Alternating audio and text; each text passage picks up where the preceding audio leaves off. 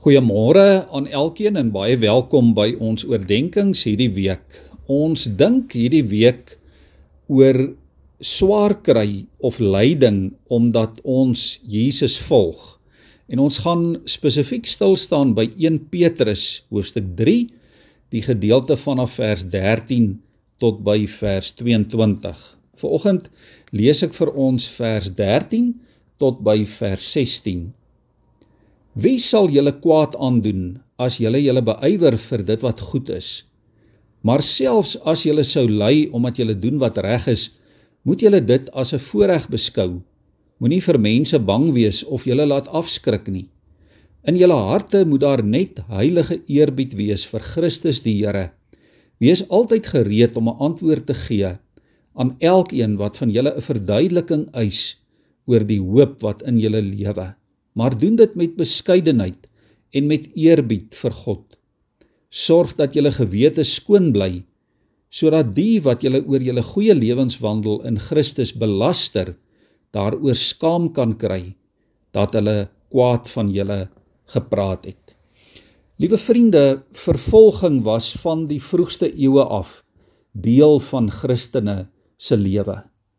Ons weet van die Christen martelare wat gesterf het vir hulle geloof.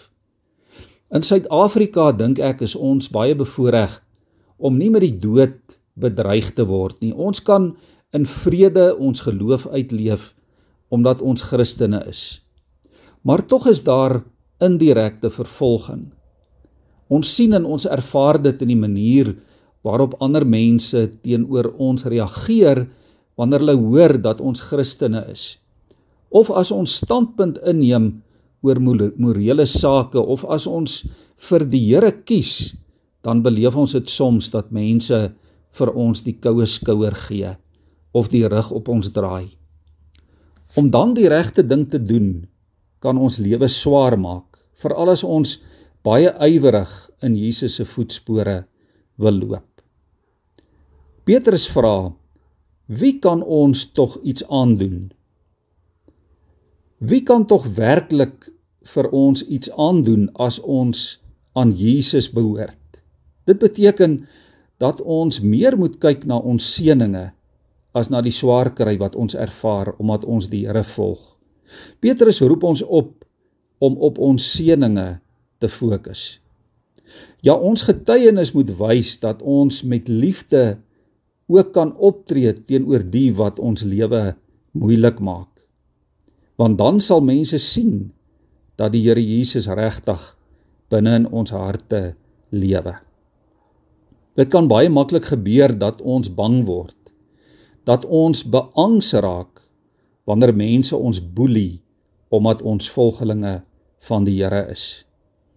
Die geheim is dat ons sal leer om ons oog op Jesus te hou en dat ons nie ons lewe sal instel op die moontlikheid van konfrontasie met mense wat ons direk of indirek aanval nie.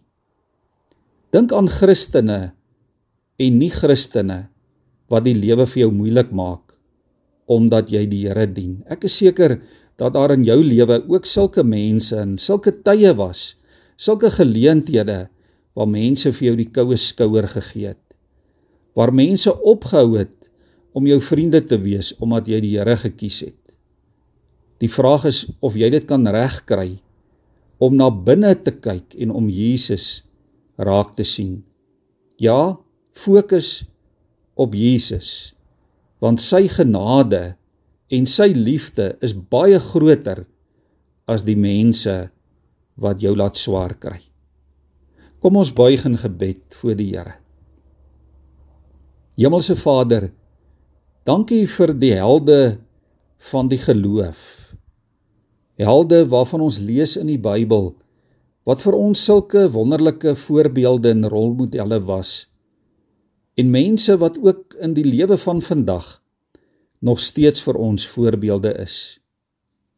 Here kom en vorm ons sodat ons ook rolmodelle vir ander kan wees in hierdie tye waarin ons lewe. Ja Here gee dat ons nie in mense sal vaskyk nie. Gee dat ons nie oorweldig sal word deur die seer wat mense ja soms ook medegelowiges ons aandoen nie. Maar Here gee dat ons op Jesus sal fokus. Gee dat ons u liefde en u genade sal raak sien en gee Here dat dit die ankerpunt in ons lewe sal wees. Kom help ons Here om sterk te wees te midde van teenkanting, te midde van vervolging. Gee Here dat ons nog steeds toegewyd sal kant kies vir die verlosser en die verlossing waarin ons deel het. Gee dat ons dit ook vandag en in hierdie week sal doen in Jesus se naam. Amen.